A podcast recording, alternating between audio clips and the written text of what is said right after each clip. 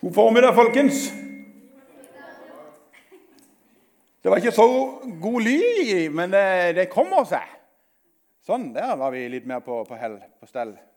Det, um, det er jo en privilegium. Altså, jeg, jeg sa det i stad òg. Altså, det er et privilegium å, å, eh, kunne få lov til å løfte opp små barn. Altså. Uh, det, er, det er noe eget.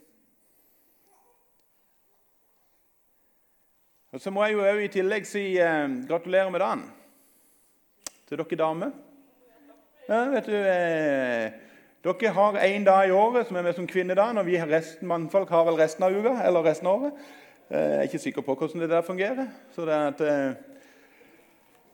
og så kommer vi sammen som dette her, som et fellesskap, og kan få lov til å være med og tilby vår konge, vår Jesus, vår frelser og herre. Selv så har jeg, altså jeg vet ikke hvordan du, de uka har vært, men jeg har hatt ei helt sånn he, fantastisk uke. Utrolig hektisk. og det, det, liker jeg egentlig. når det er vi som går litt sånn hele tida. På tirsdag så var jeg her sammen med en hel haug med naboer. Eh, ikke mine naboer, men kirka sine naboer. Da var, hadde jeg Vestsida fellesskap. Velforeninga her på Vestsida. De hadde årsmøte her. og Godt med folk. og Alltid gøy å hilse på de som bor rundt her. Eh, som står på for å lage et godt eh, samfunn, eller et eh, godt, ja, et godt samfunn. Godt nabolag. På onsdag, vet du da er jo jeg her på eh, formiddagen. og vet du, Nå for tida så er det litt sånn moro. for det at det, på, på, onsdag formiddag så er det sånn sangandakt her. Og det er klart at Der er jo snittalderen sånn høy pil og bue. Det er sånn nokså grå forsamling. Men du verden for noen bra folk! Men parallelt så har vi begynt med babytrall. Så det som er så fint nå, det er Når du kommer her på onsdags formiddag, så står det med som ei barnevogn og en rollator parkert på sida av hverandre. Liksom. Det er litt sånn Barnevogn og rollator hånd i hånd. Eh, og Den mangfoldet der som er i kafeen da, det er jo fantastisk skjønt. altså. Det er altså, Jeg tror hun er eldste som pleier å komme her. Hun er sånn ca. 94. Ser ut som hun er 72. Det er jo helt utrolig. Og de minste de er på en måte barnevognstadiet. Og så kan vi få lov til å komme sammen og ha det kjempegreit. Eh, på torsdag var vi så privilegerte for å kunne få lov til å lansere eh, menighetens levende troplan. Det var et eh, kjempeflott samling. Og Hvis du lurer litt mer på hva det der med levende tro er for noe, så hukk gjerne tak i meg etterpå.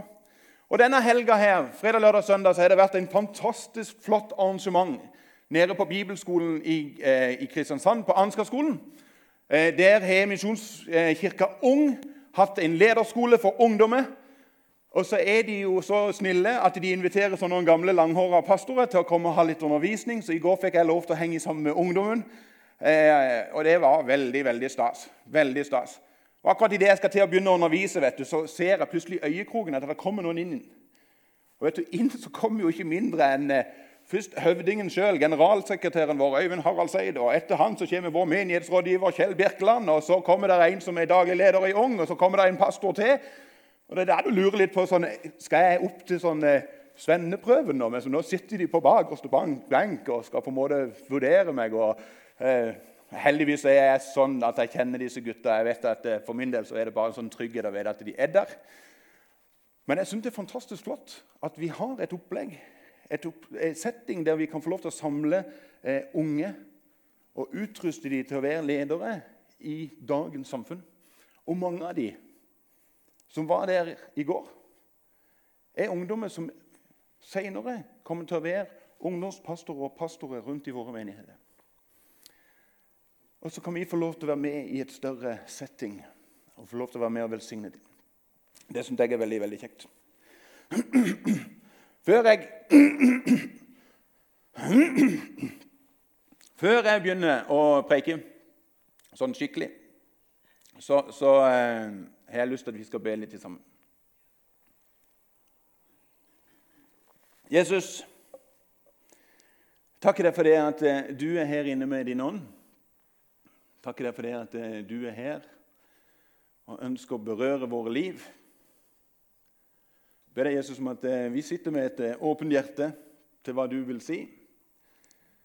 Hjelp oss til å se at du ønsker å berøre oss langt inn i sjela vår, i dypet, Jesus.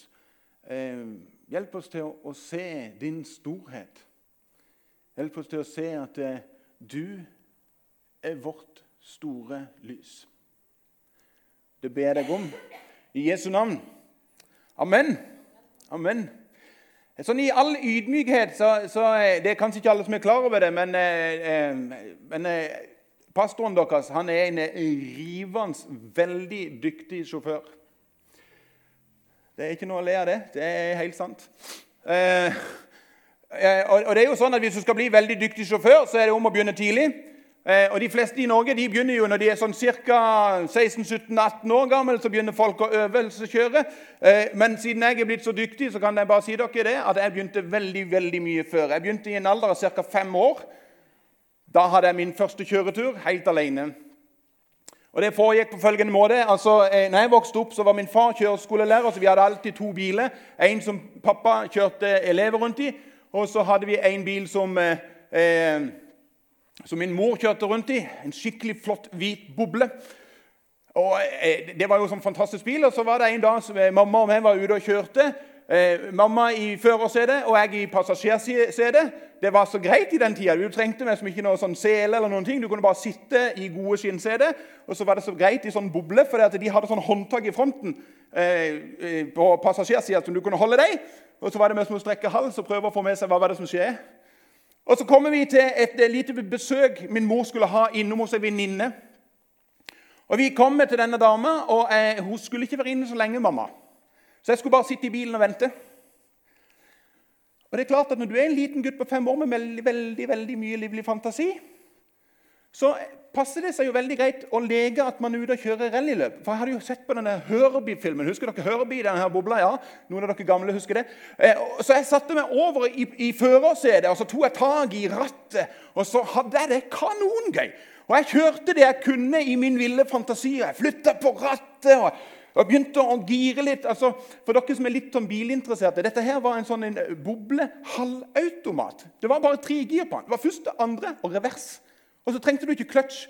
Så jeg hadde liksom hånda på den ene og girspaken i den andre hånda. Og så var det å, gire i vei, og jeg hadde det kjempegøy. Og i min fantasi så kommer jeg jo til det punktet at nå må vi få alt fart. Og det er der jeg plutselig legger merke til at jeg har jo håndbrekken på. Det der må vi jo løsne. Så jeg klarer på et eller annet vis å få løsna denne.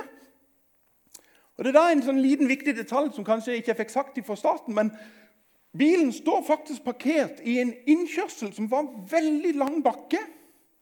Og vi står på toppen. Og idet jeg løfter ned håndbrekken, så kommer tyngdeloven og hilser på. Og Akkurat da så står min mor ca. fire meter fra bilen. Og Det er noen ganger du skulle ønske at nå skulle jeg gjerne hatt et kamera. For jeg vet ikke om du har hatt det sånn, men jeg har hatt det noen ganger sånn at plutselig så går livet i utrolig slow motion. Du husker meg som hvert millisekund. Og Det jeg ser, det er at bilen begynner å rulle bakover. Og jeg ser min mor får altså de største øynene jeg noen gang har sett på. Altså, det, i, gamle, I noen av de gamle eventyrene så sa vi øyne så store som tinntallerkener. Altså, det var min så store. Altså, Kjempesvær. Og så er det med sånn full panikk. Og jeg sitter og holder i rattet med bare sånn. Og du skjønner at nå er det noe som ikke stemmer. Og Du ser på en måte at eh, hagen begynner å bevege seg, og du skjønner at nå er jeg ute på et racerløp, men nå kjører vi bakover. Og min mor hun springer foran det hun kan for å prøve å ta meg igjen. For å prøve å holde denne bobla. Noe hun ikke klarer. Heldigvis hadde innkjørselen helt på slutten en liten sving. Og bilen svingte ikke, men det gjorde veien. Men det resultatet er å mose inn i et svært steingjerde og står dønn fast. Og ut av den bilen så kommer det en litt sånn fortumla liten femåring som har lært en ting av livet. Og det er at eh, innimellom så byr livet på noen stormer. Jeg vet ikke om du har lagt merke til det, men det gjør det. Innimellom så har vi noen sånne stormer i livet som treffer oss på et eller annet vis. Som gjør et eller annet med oss. Og Jeg er nokså sikker på at her inne så er det noen av oss som har vært i noen sånne alvorlige livsstormer. Der vi virkelig har kjent at nå vet vi ikke nesten ut eller inn. Og Vi skjønner ikke hvordan dette skal gå i det hele tatt. Noen er kanskje midt i en sånn livsstorm akkurat nå. Der du kjenner meg som bare at alt er bare svart, og du bare skjønner ikke hva er det som skjer for noe. Altså Det kan være at du sitter akkurat nå i en sånn en arbeidskonflikt på jobb eller på skole. Og det gnager deg så mye at det går utover nattesøvnen din. Du kjenner at det er et eller annet som på en måte holder deg våken, og du vet ikke hvordan du skal sortere tankene, du vet ikke hvordan du skal håndtere situasjonen. Kanskje dette handler om ditt ekteskap. Altså Det som skulle være sånn en dans på roser Det var iallfall det jeg tenkte når jeg gikk opp kirkegulvet der og tenkte dette blir fint. Dette er jo en salig dag. Nå skal jeg svare ja til den dama der, og etterpå det så skal vi ha livets glade dager. Og så viser det seg jo at det er jo ikke sånn. Plutselig så kommer det et storm inn i den ekteskapet som gjør at du kjenner at i all verdens land og rike, her er det jo mer torne enn det er roser. Og du vet liksom ikke hva skal jeg gjøre for noe. Andre igjen opplever sånne stormer der det er som bare blir svart. En klarer meg som ikke helt å forklare det, men alle tankene blir tunge. Alt på en måte blir litt sånn vanskelig. En ser meg som ikke noe lyspunkt i noen ting. Og så lurer en på hva skal jeg gjøre akkurat nå. Andre igjen så har det plutselig ting ikke blitt som en hadde drømt om. En drømte jo liksom om at eh, den kjæresten skulle komme, og så kom det eller, eller den kjæresten. Studien gikk skeis. Eller at gjelda har vokst til en høyde som eh, Nå er det ikke snakk om lenger om å holde hodet over vann. Nå er plutselig gjelda så høy at det er om å holde pusten lengst mulig i håp om at det på et eller annet vis går over. Og Midt oppi denne stormen her, så er det fryktelig mange som sier det at nå er Gud veldig fjern.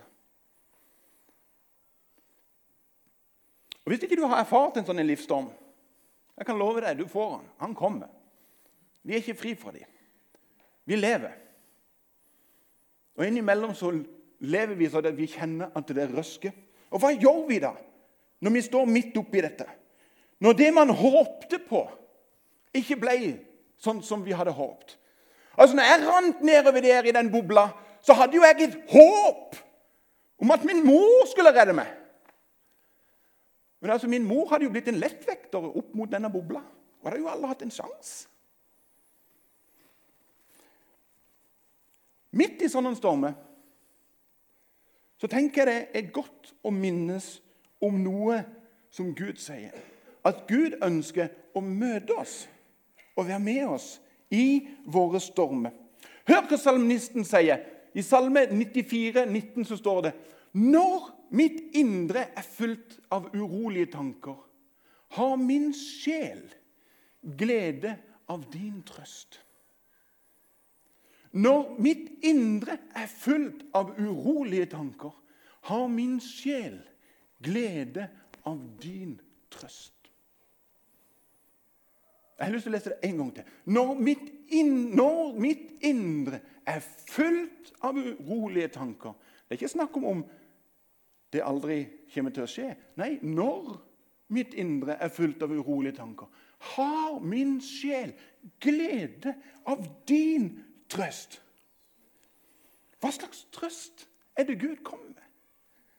Hva slags trøst er det Han møter oss med når vi kjenner at vårt indre er fullt av urolige tanker. Og vet du noe? Hvis du har med deg Bibelen, så må du nesten slå opp i Hebreerne, kapittel 6. Og Så skal vi lese noen der, der det beskrives et bilde som jeg syns er fantastisk bra. Og som jeg tenker er en sånn ting du skal på en måte ta med deg. For det jeg tror er at dette her som vi snakker om i dag, dette, dette er ikke spesielt noen av oss i dag.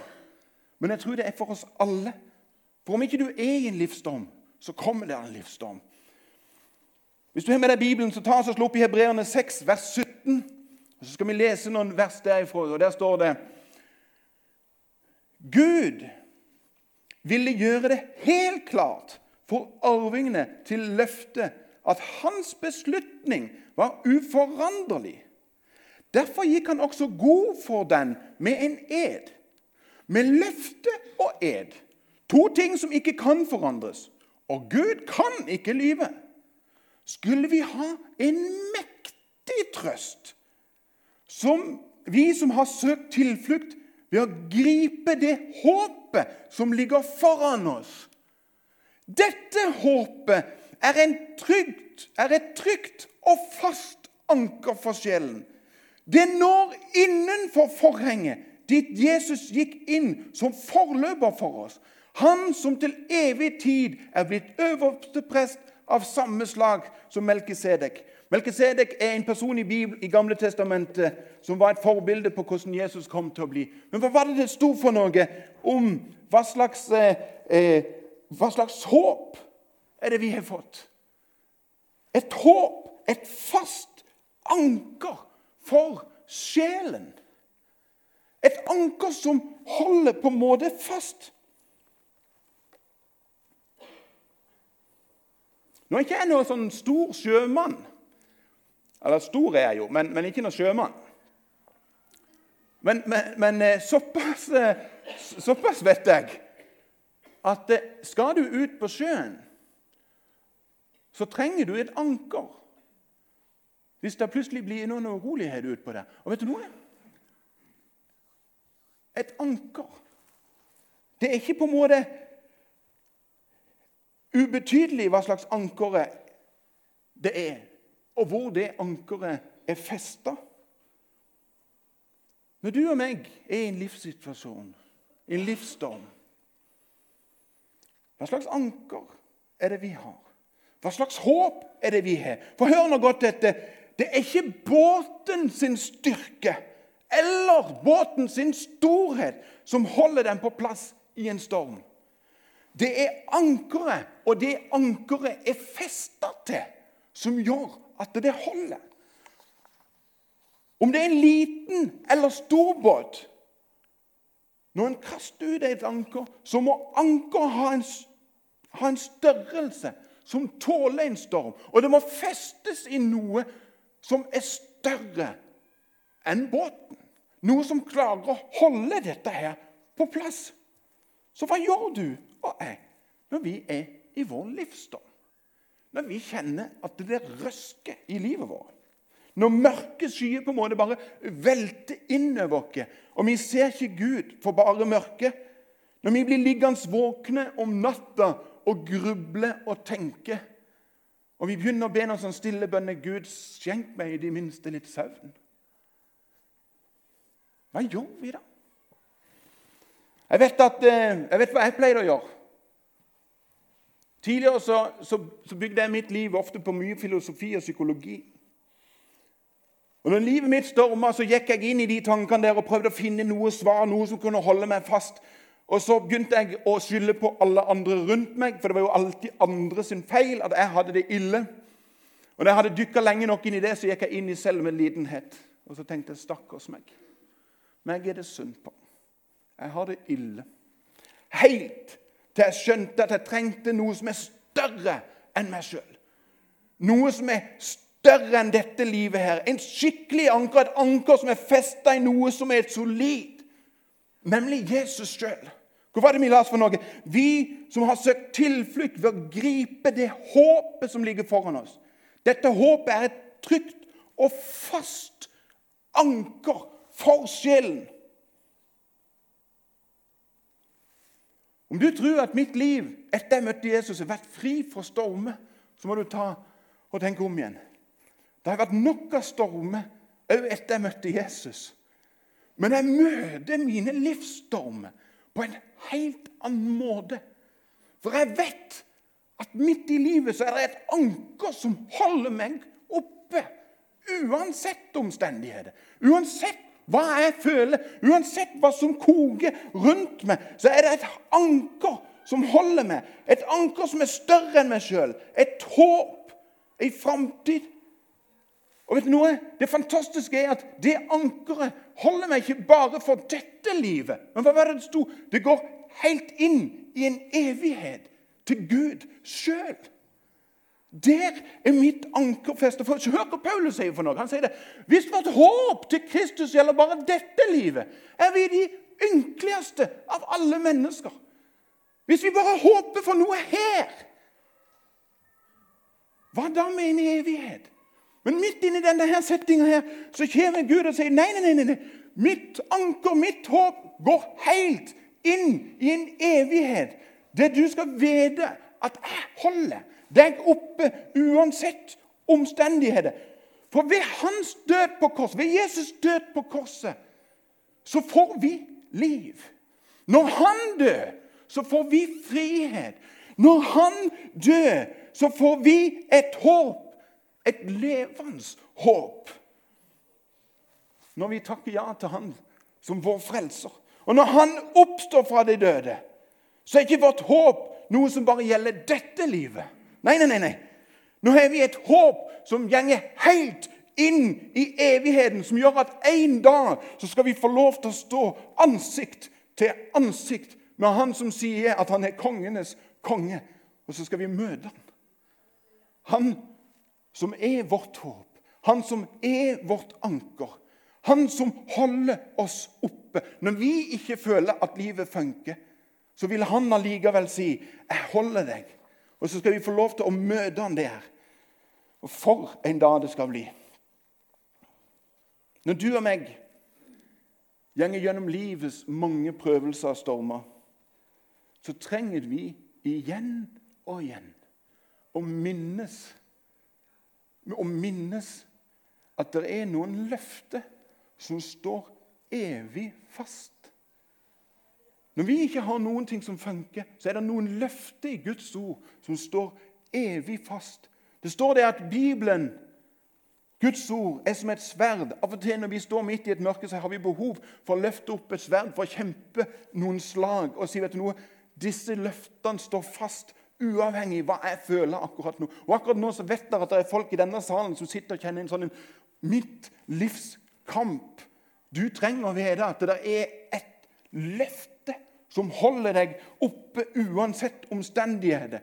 Hør hva Paulus sier i Romerne. For jeg er viss på jeg er viss på at verken død eller liv, verken engler eller krefter, verken det som nå er, eller det som kommer, eller noen makt, verken det som er i det høye eller i dypet, eller noen andre skapning, skal kunne skille oss fra Guds kjærlighet i Kristus Jesus, vår Herre. Han holder uansett omstendigheter, uansett hvordan vi har det. Av og til så tenker jeg sånne løfter som dette de trenger vi å pugge utenat. For når vi ligger midt i en livskamp og i en livsstorm, og alt er mørkt Da trenger vi å vite at det er noe som går på autopilot på innsida, som sier det. vet du noe? Jeg er viss på at uansett hvor kamp jeg står i nå, så er Guds kjærlighet uatskillelig til meg. Hans kjærlighet til meg vil alltid springe meg i møte. For hvis ikke vi kan holde et håp som går inn i en evighet, hvem skal vi da håpe på? Hvem skal vi da håpe på? Paulus sa det så bra, nei, Peter sa det så bra en gang. Jesus spurte de disiplene vil dere òg gå vekk fra meg. Så sa Peter, hvem andre skal vi gå til? Altså Du som er livets håp. Hvis ikke vi skal gå til deg, hvem skal vi da gå til?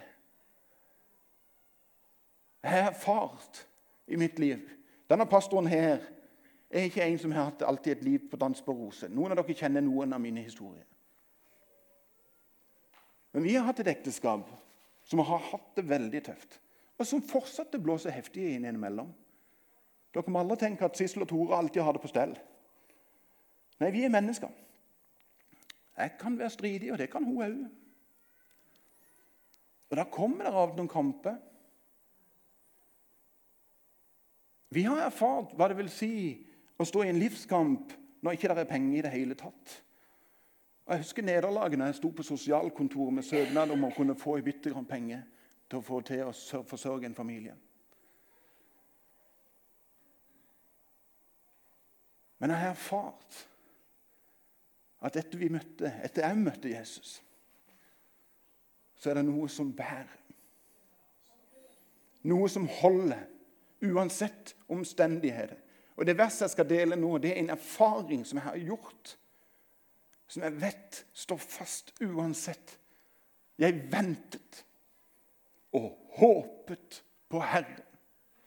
Han bøyde seg ned til meg og hørte Vet du noe? Han hørte mitt rop. Vet du noe som er så fantastisk med vår tro?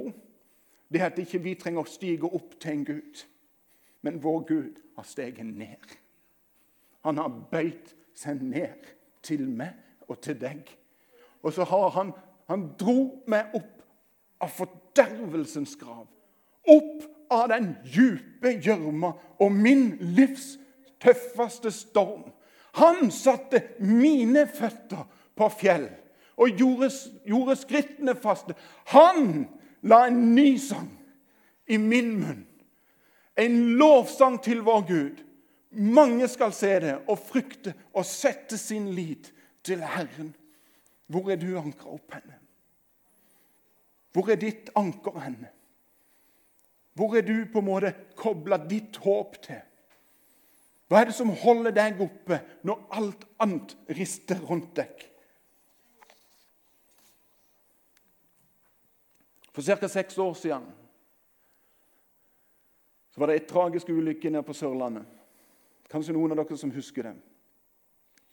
Ikke langt ifra der jeg kom fra Lyngdal, så er det en liten plass som heter Spangreid, nesten ute ved Lindesnes. Pluss en dag så kunne vi se på lokale nyheter at en av regetrålerne ikke var kommet inn igjen til havn på kvelden. Og Det ble satt i gang stor leteaksjon for å finne båten. De visste at det var to brødre i 60-årene, begynnelsen av 60-årene som var på denne båten.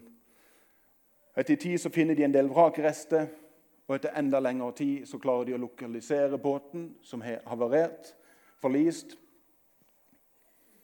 Og inne i styrhytta så finner de begge fiskerne. Brødre, ektefelle, fedre, men også sønner. De som gamle mor Edith på mange og 80 år får beskjeden om at eh, du har mista to av dine fire barn. Og vet du, barn er barn, uansett hvor gamle de blir. Midt oppi denne sorgsmerten så begynte det å komme journalister på besøk inn til Edith for å spørre hvordan det gikk, og for å få historien til disse to brødrene. Og så begynner Edith å deler sitt vitnesbyrd om hvordan det er én som holder uansett omstendigheter. Og Så tar hun fram gitaren i en av intervjuene der TV er til stede. Så tar hun fram gitaren, spiller noen enkle grep, synger med en forsiktig stemme sammen med den ene broren som lever, den ene sønnen som fortsatt lever. Og Så begynner hun å synge på den sangen der det stender 'Sjelen' den trenger til hvile. Hva skal vel bringe den ro? Skal jeg kun frykte og tvile? Nei, jeg på Jesus vil tro. Det eneste håpet jeg eier, det har jeg, o Jesus, i deg. Jeg bringes til ro ved enkelt å tro at du døde på korset for meg. Jeg bringes til ro. For Det er enkelt å tro at du døde på korset for meg. Vet du, Nå er det det eneste håpet jeg har, står jeg til å si. Og så ble det en ro i det rommet som bare Gud kan bringe. Midt i en livsdom, så står det her i og vitner om Guds storhet, om hvordan han bærer. Det eneste håpet jeg har. Jeg vet ikke hva som er ditt håp. Jeg vet ikke hvor du går når du strever. Jeg vet ikke hva du gjør når livet på en måte kjennes brutalt. Men jeg kan gjerne oppmuntre deg til å si vet du noe? Det er én som har dødd for deg, som har stått opp for deg, og som kan bli ditt livs håp.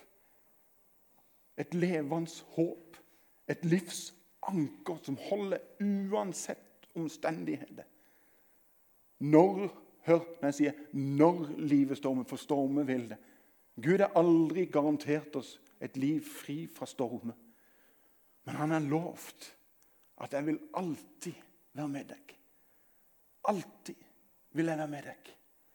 Jesus sa det selv. 'Se, jeg med dere alle dager inntil verdens ende'. Det eneste håpet jeg har, er at Jesus er dødd for meg. Jeg har sånn et stort ønske om at alle vi som er her inne, alle som lytter til det etterpå, skal erfare det samme. At det er én, og hans navn er Jesus, som du kan finne hvile for din sjel. En som vil være deg gjennom alle livsstormer. Og en som makter å lede deg gjennom en livsstorm. Vet du noe? Vet du hva som er så fantastisk? Du og meg vi trenger ikke å gå gjennom en livsstorm alene. Det er en som vil gå med oss. Og vet du hva som er, mer, som er like fantastisk? er at vi som menighet kan gå i sammen.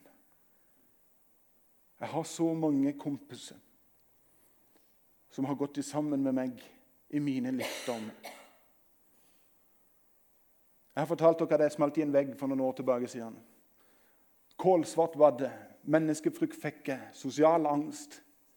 Og inn i den livsstormen der så kommer en av mine gode kompiser.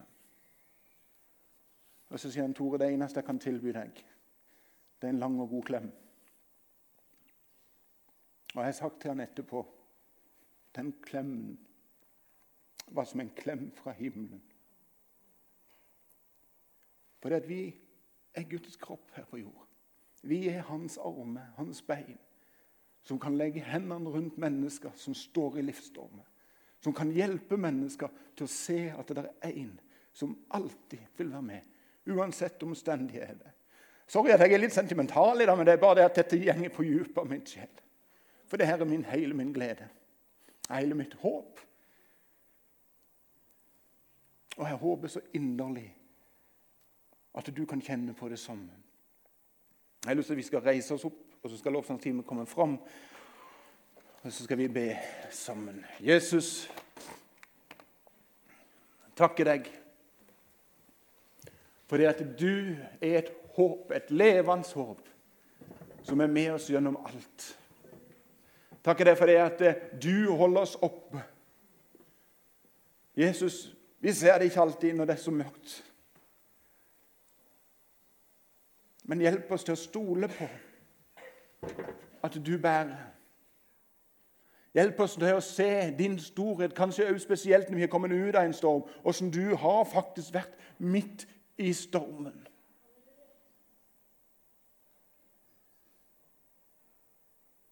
Takker deg for det at du har gjort alt for oss. Takker deg for det at du har bøyd deg ned for å løfte oss opp til deg. Jeg priser deg for. I Jesu navn.